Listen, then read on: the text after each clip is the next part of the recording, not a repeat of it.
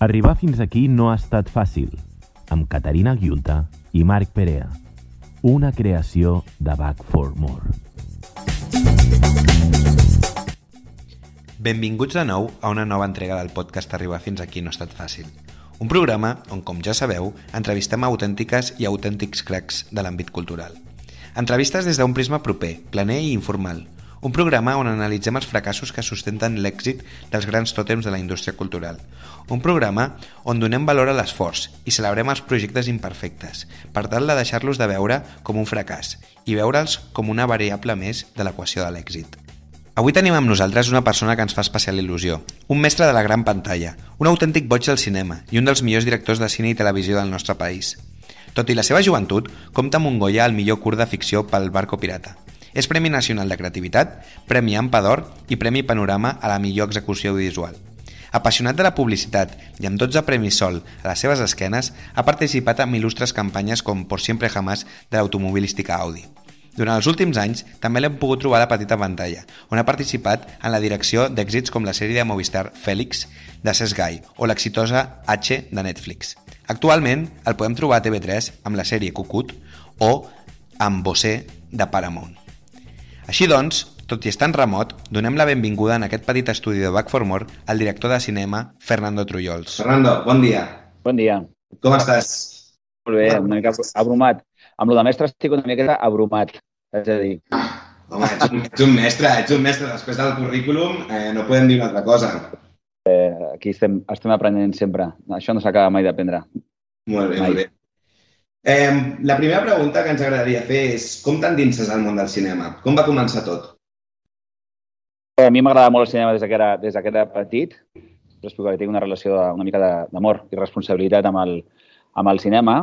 Ja ho vaig explicar això quan vam guanyar el, el Goya, que és que um, ho, ho vaig dedicar als, als metges que m'havien salvat la, la vista quan jo era petit. Jo als 3 anys vaig, vaig tenir mm, catarates congènites, en aquell temps era una malaltia una miqueta exòtica, i, i van haver-hi diversos metges que bueno, van, fer, van posar tota la seva ànima, el seu esforç per, perquè jo pogués veure. I, i després de l'operació, la, la, la forma de, de que jo recuperés la vista era, era veient pel·lícules. Llavors em operar eh, això a partir dels 3 anys, doncs em, em, em ficava al cine cada dia. Vaig veure com el, el, el, Libro de la Selva, que és la meva pel·lícula preferida, òbviament. Vaig veure el Libro de la Selva com 30 vegades seguides, una vegada cada dia, i després ja va, va comprar un projector de Super 8 de l'època i així jo anava, no? I després doncs, em vaig fer molt aficionat. Llavors um, vaig descobrir que més, anant a la universitat, vaig estudiar comunicació visual, vaig descobrir que també m'agrada molt fer les pel·lícules.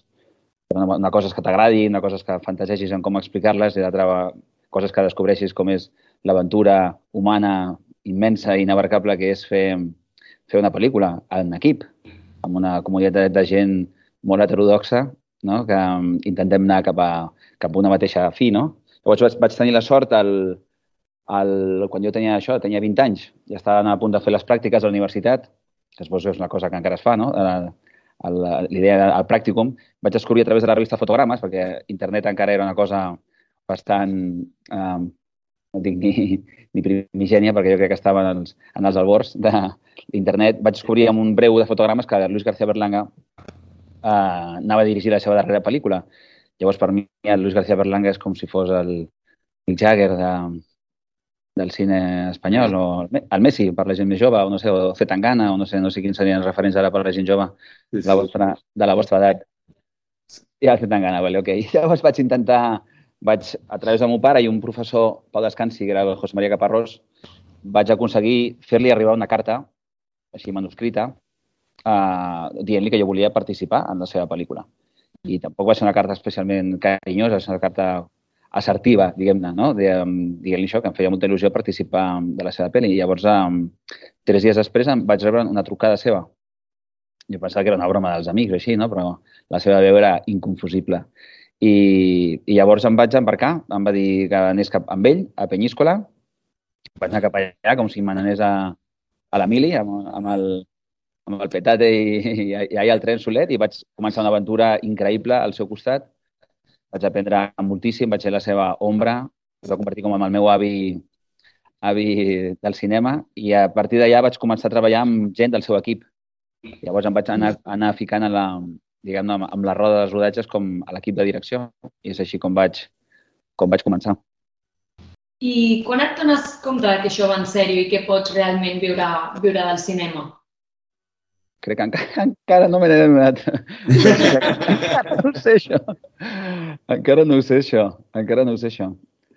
No sé, es va donant, sempre he tingut, he tingut molta confiança i, gràcies a Déu, he tingut, he tingut molta, molta fortuna i molta sort amb, el, amb tota la gent que m'he trobat.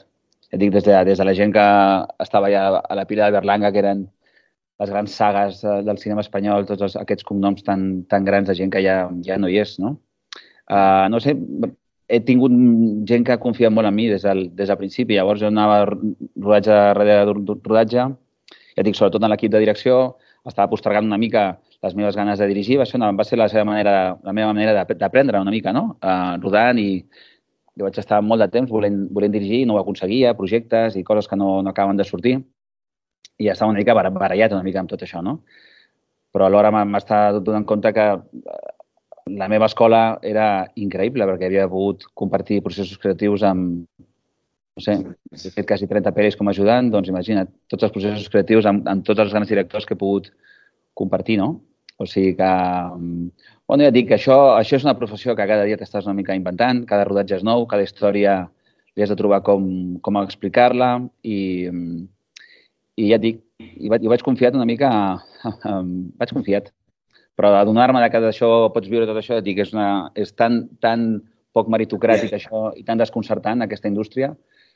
Però bueno, ara, hi ha, ara hi ha molta feina i bueno, el cor m'ha portat fins aquí. Sí. Parlant d'aquesta feina, eh, deies que eres llicenciat en audiovisuals. A dia d'avui, doncs, audiovisuals és una carrera amb molt prestigi, on gairebé totes les universitats eh, la imparteixen, eh, té molta demanda però si tirem la vista enrere, fa 10, 20, 30 anys, audiovisuals tampoc era una de les carreres amb més sortides. Eh, et vas trobar amb la típica frase de pares, avis, familiars, de hosti, dedica't millor al dret, o sigues metge o arquitecte, que tindràs més feina. Això, et, et vas trobar amb aquesta frase o, o per sort vas tenir uns pares, uns, uns amics i uns familiars que tenien la ment oberta, escolta'm, tira endavant i, i, i guanyen la vida. No, ja dic que jo ho tenia, ho tenia claríssim des que era petit. Jo des que era petit ja, ja volia fer això. I els meus pares són metges. I l'única cosa que em deien és que metge no.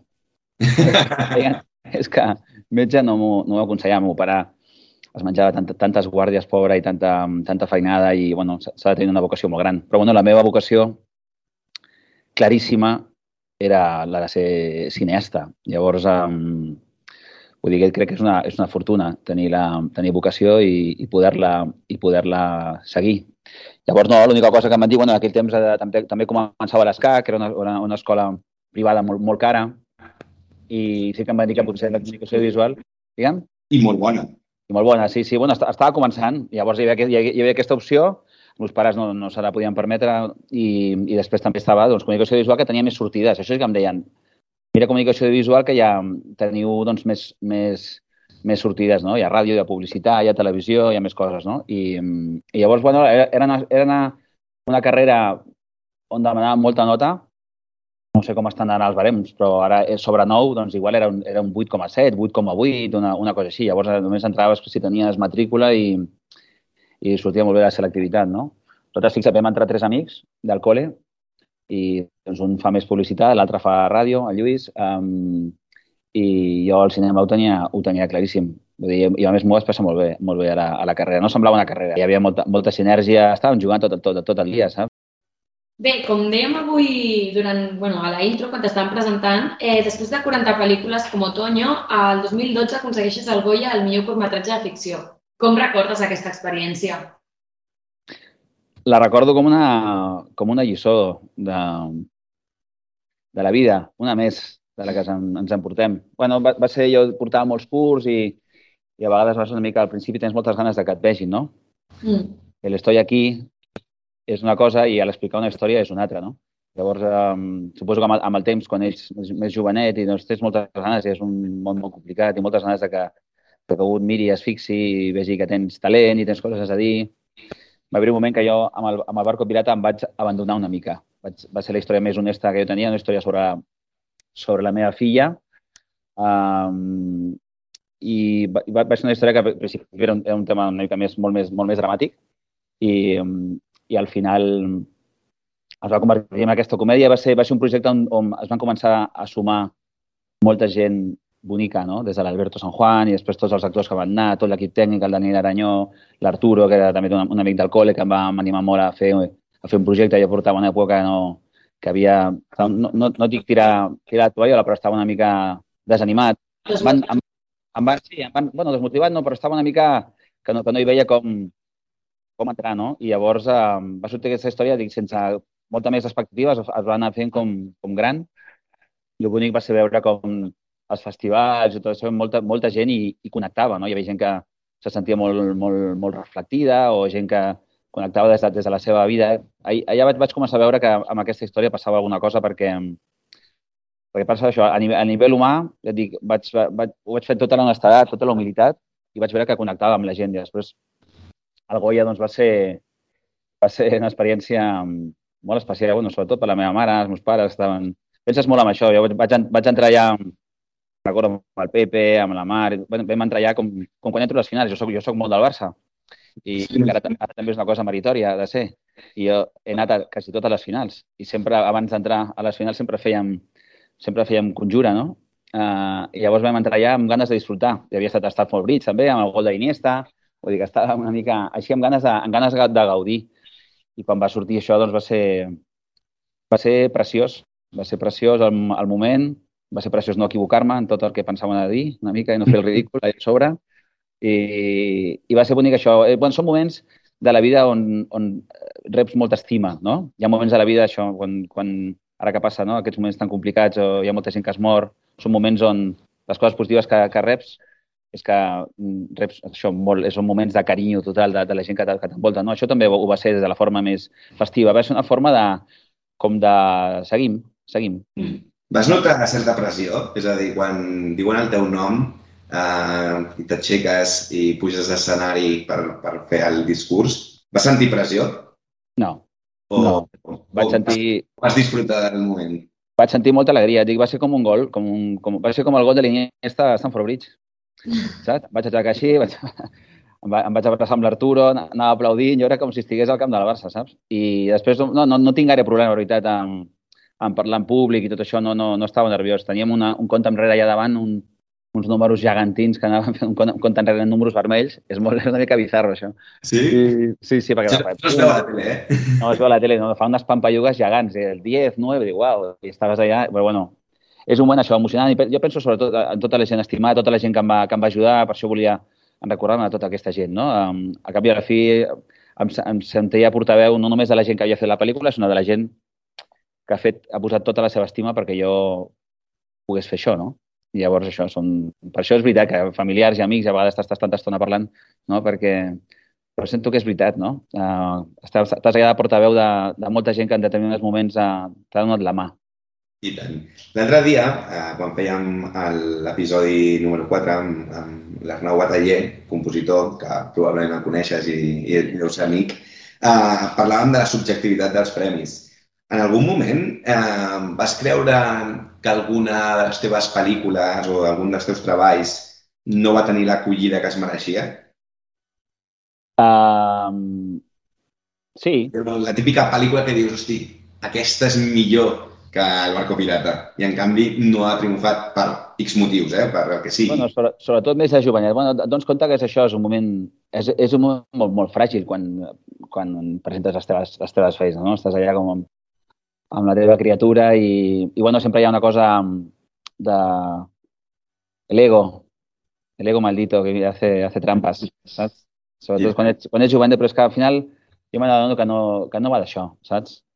Va d'explicar de, històries i això també és una, és una, és una indústria, hi ha molts interessos um, i he anat aprenent, ara que m'estic fent una miqueta gran, doncs aprenent a, a que la mirada aliena doncs, no, no, fa, no fa bona les nostres coses, saps? Hi ha una cosa que nosaltres fem amb el nostre, amb el nostre cor, amb la nostra intuïció, que és el que hem de, el que hem de seguir. Fer pel·lícules és un miracle, fer-les, que després arribin al públic és un miracle, que hi hagi gent que s'emocioni doncs és un altre miracle. Però bueno, nosaltres estem aquí perquè molta gent ha fet miracles i, i, i ens van ficar dintre d'aquest virus fantàstic, no? Mm. I llavors, clar, que hi ha moments que estàs allà i penses i aquesta i l'altra i per això, i... però bueno, són aquestes, aquestes veus que, que t'abrumen una miqueta i són, i són les pors, són les pors, no? Són, llavors, les pors les tenim tots, però eh, crec que hi ha una, un moment on pots escollir si és el bon combustible o no és el bon combustible. I la por és fantàstica, però no penso que no ha de ser el combustible. Llavors nosaltres fem les històries, i després ja no depèn de nosaltres, saps? No depèn de nosaltres tot el que vagi després, depèn del moment. Igual, no sé, ara, ara surt el barco pirata i no la veu ningú, saps? Perquè, no sé, perquè el Nadal no sé què, o perquè tal qual, o perquè hi ha la pandèmia. El zeitgeist, no? Que diuen, diuen els alemanys, no? El temps on cauen les coses, això tampoc, tampoc ho podem controlar. Mm. Llavors penso que hem de fer això, tio. És que és el que diu Clint Eastwood, estar en primero de intuïció sempre, mm. seguir-la i seguir el nostre això i fer-la. I després el que vingui, doncs mira, regalat, saps? I tant.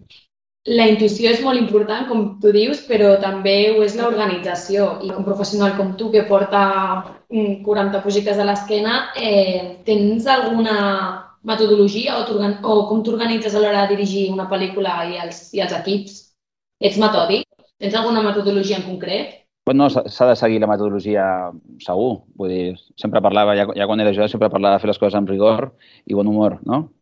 Tingues en compte que aquest és, és un ofici i això és, és molt complicat perquè eh, us deia abans que és molt, és molt heterodoxa, hi ha molts departaments, llavors eh, no, vestuari, ara, ara, ara tindries els actors per assajar, eh, fotografia, art, hi ha tantes coses a fer, l'equip de direcció, producció, les localitzacions, Llavors, eh, clar que s'ha de seguir un, un, un, una metodologia per arribar, no? I certa, i certa jerarquia. A mi m'agrada fer la, molt, molt les coses en comú, vull dir, no sóc una persona que, que imposa la seva visió, M'agrada molt trobar, m'agrada molt abandonar-me a, descobrir. I, I sempre fem això, comencem els projectes, aquest, per exemple, les sèries doncs, solen ser projectes aliens, idees alienes, no? els, els curs o altres històries uh, pròpies és, és diferent perquè ja parteixes de tu. Però primer doncs, hi ha una, una, una manera d'apropar-se al, al material, referenciar-lo, um, intentar esbrinar aquestes primeres sensacions que tens i com les has de, traslladar a la resta de l'equip, no? perquè és molt complicat, tots tenim una, un llenguatge diferent, una visió diferent, llavors el més important és arribar a trobar aquest camí comú i saber què, què expliquem. Les pel·lícules són, són molt de soroll, sempre penso, hi ha, hi ha molt de soroll al voltant, molt. I, I, I jo sempre estic a escena 1, a veure, i sempre tinc les meves àncores una mica, no? Que haig d'explicar això, això i això, perquè a vegades ho puc explicar en 10 planos, com ho tenia previst, a vegades en 3 perquè passen mil coses als rodatges, Llavors tinc una mica les meves àncores, sobretot a tenir molt clar el que, el que vull explicar i després ja ve tot, tot el de després, com explicar-ho i, i això. Però bueno, ja dic, això és una maquinària eh, complexa i molt divertida, la veritat. Com, com bé dius, la, la complexitat de, de gestionar equips. Quin és l'error que més comets? Aquella pedra que, amb la que sempre ensopegues, si és que en tens alguna. Si et miressis en tercera persona, que, quin, quin defecte et trauries com a professional? Bueno, Segur, segur, segur que molts. Home, soc, soc, soc molt ambiciós, una mica, tinc moltes... Eh, quan, quan, de, ara, que, ara que soc director, des que era ajudant, em deien, no, no, no ho sembla a vegades, no? Perquè a vegades doncs, vull, vull, fer, vull fer moltes coses o, vull provar moltes coses i el temps, el temps, per exemple, el temps és un, és un gran enemic. Diguem, el, el rellotge pesa i, i les hores van comptant i el, i el temps en el cinema són diners, no? Sempre, sempre tenim aquesta lluita una miqueta amb el, això. I, I no, i a vegades també la por i, i, les, i la, i abandonar-se de veritat, confiar. Mm. Sempre, sempre cada projecte és una, és una gran prova de confiança de les coses que, que, tens, que tens una mica al cap i després les coses que succeeixen. I llavors um, estic en aquest camí una mica de d'aprendre a confiar com de veritat. Mm. Perquè, bueno, ara, sense fer sang ni donar noms, eh, algun cop t'han decepcionat professionalment? Que t'han traït aquesta confiança que deies ara? Um, sí, però també això era una altra manera de veure. Al final... Que m'estic fent gran, m'estic donant compte, eh? Estic fent... Són coses que... Bueno, al final penso això, que la, que la gent fa el que pot, saps? I més en aquest, aquest, aquest ofici és un ofici on totes les emocions són, són, molt, són molt viscerals. Tingues en compte que, per exemple, doncs, així, comparteixes tres mesos de, de feina amb la gent, però fas tot amb ells. I de sobte hi ha moltes etapes de coneixement entre humà, de les relacions, dels vincles, que aquí van a tota velocitat. Llavors és un, és un, és un lloc on humanament és molt interessant de veure reaccions, perquè tot, tot queda, va com molt comprimit i va molt, va molt, molt ràpid, llavors decepcions, molt... veus això? He après a veure una mica quan parlen les pors i quan parla la persona, saps? I és una mica més, ja ser, ja ser empàtic, ja tenir una mica més de compassió, perquè passa, cada dia passen coses, cada dia passen moltes coses que es diuen al cine que sembla que la gent tracti de salvar el seu cul a vegades, no? Sempre és una mica passa això, uh, doncs és culpa de producció, o és culpa d'aquí, o és culpa d'això, sempre la culpa, la culpa, la culpa, no? I al cap i a la fi, amb el temps és, és això, que és com les relacions, no? Acabes, acabes coincidint amb la gent en un determinat moment de la seva vida que és molt diferent al teu. I més enllà de que sigui, això sigui molt professional, l'humà, nosaltres som artistes, saps? No som, Vull dir, i així em considero. Vull dir, I els artistes doncs, treballen amb la seva ànima. Llavors eh, passen tantes coses que decepcions, també la decepció depèn de la teva expectativa. Vull dir que de, depèn d'on ho posis. O sigui que penso això, que la gent no ens fa res i ho veig d'una manera molt més personal. Vull dir, prefereixo centrar-me en la meva responsabilitat i, i a les meves, i a les meves expectatives doncs, rebaixar-les i deixar que passin coses, no? Totalment. Que Totalment. Tens una agenda bestial, eh, rodatges, viatges, reunions, estàs tot el dia eh, amb gent. Et queda temps per estar sol amb la família i els amics? O Molt. és difícil de conciliar?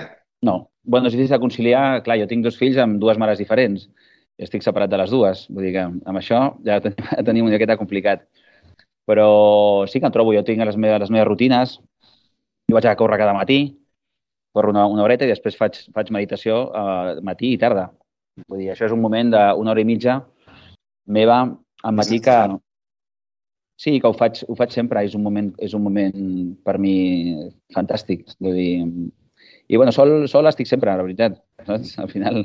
Però hi ha moments, i moments també per aprendre a descansar. Que cap de setmana, per exemple, que tenia moltíssima feina de sobte, i doncs mira, uh, m'he hagut de quedar aquí a, a Madrid perquè el nen, la classe del, del, meu, del meu nen estava confinada per un positiu d'un altre nen i llavors, no sé, he aprofitat per descansar una mica. Estic una mica abraçant els accidents feliços de la vida, no? I com viene, i la vida agarrándola com viene. Llavors, moments d'estar de, de, sol i de poder-te concentrar, com a director, els necessites. I sobretot allà, allà on hi poso, on hi poso l'energia. Però bueno, ja dic, estic freqüentant, sí, i amics i família, doncs, eh, doncs també, no? Moments de rodatge és complicat. Moments de rodatge és complicat no fer altra cosa que no sigui estar aquí com un soldat eh, per la causa i això és complicat. Sí, és un ofici, diguem-ne, per tenir família nombrosa i, i, una, i una casa, una casa, no sé, com, com eren les d'abans, doncs potser no, no és el lloc més probable on hi passin. Però bueno, jo dic, jo tinc una família que ara no seria potser de les ortodoxes, però és una família fantàstica. És la meva, saps? Total. Eh, perquè, Fernando, quan s'apaguin les cims de la pel·lícula de la teva vida, amb què creus que et quedaràs? Crec que em quedaré agraït. Em quedaré molt agraït. Vaig pensar, mira, l'altre dia que anava, anava, anava amb, amb avió amb el, amb el Noel, anàvem a veure la meva filla, vam tenir un susto increïble a l'avió, però d'aquells de... com si estigués a la pel·li de Gringras del, de l'11 de setembre, una mica, amb, amb unes turbulències, vaig fotre un cop de cap al, al, allà al sostre, increïble. déu nhi Sí, i um, va ser un moment d'aquests. I em vaig sentir molt, molt, molt tranquil, la veritat. Hi ha un moment que penso que han passat moltes coses, ara, bueno, jo he passat els 40 i um, estic com a la, eh, a la meitat de la vida, que diuen, no? Però um, sento que han passat moltes coses um, i estic molt agraït de tot el que m'ha passat, el que m'ha portat a, a, a estar aquí. He tingut, he tingut molta sort cada dia. Cada dia és una de les primeres frases que, que em dic, que, que estic molt agraït i molt agraït un nou dia i de, i de poder fer les coses que m'agraden, per mi és un privilegi estar aquí. Estar viu és un privilegi. Estar aquí amb vosaltres ara, avui, o amb els meus amics ara aquí, que tinc tots els companys que em vindran i em diran com vull fer aquesta escena. O sigui, és un, és un privilegi absolut poder-me dedicar al que dedico, tenir la vocació de cineasta, la vocació de pare, que és una que vaig descobrir més tard, però que és meravellosa, també. Vull dir, estic, estic molt, això, agraït. Això seria. Fantàstic. Doncs bé, Fernando, per acabar, voldríem fer-te un petit qüestionari de preguntes i respostes ràpides a veure. patim a tots els nostres convidats. Ens agradaria que fossin àgils, així que no et deixarem gaire temps per pensar-les. A ser ràpida. la trampa. Estàs preparat?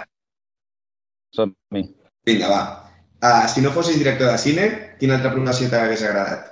Uh, periodista, esportiu, locutor. Amb qui t'agradaria treballar? Com a actor, o dius, o com a... Com a director, com a director. Ah, com a director? Mm. Uh, amb Spielberg. Estudiar o treballar? És el mateix, per mi. El que més t'agrada ser director? Jugar. Uh, jugar ju explicar històries jugant. I el que més odies? Que més odio. Uh, no poder-ho controlar. Les coses, no poder controlar les coses. Si tinguessis que escollir un referent? Eh, Nelson Mandela. Fantàstic.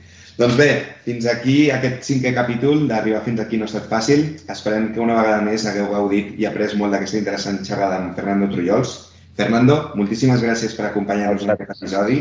Ha sigut un autèntic plaer tenir-te entre nosaltres.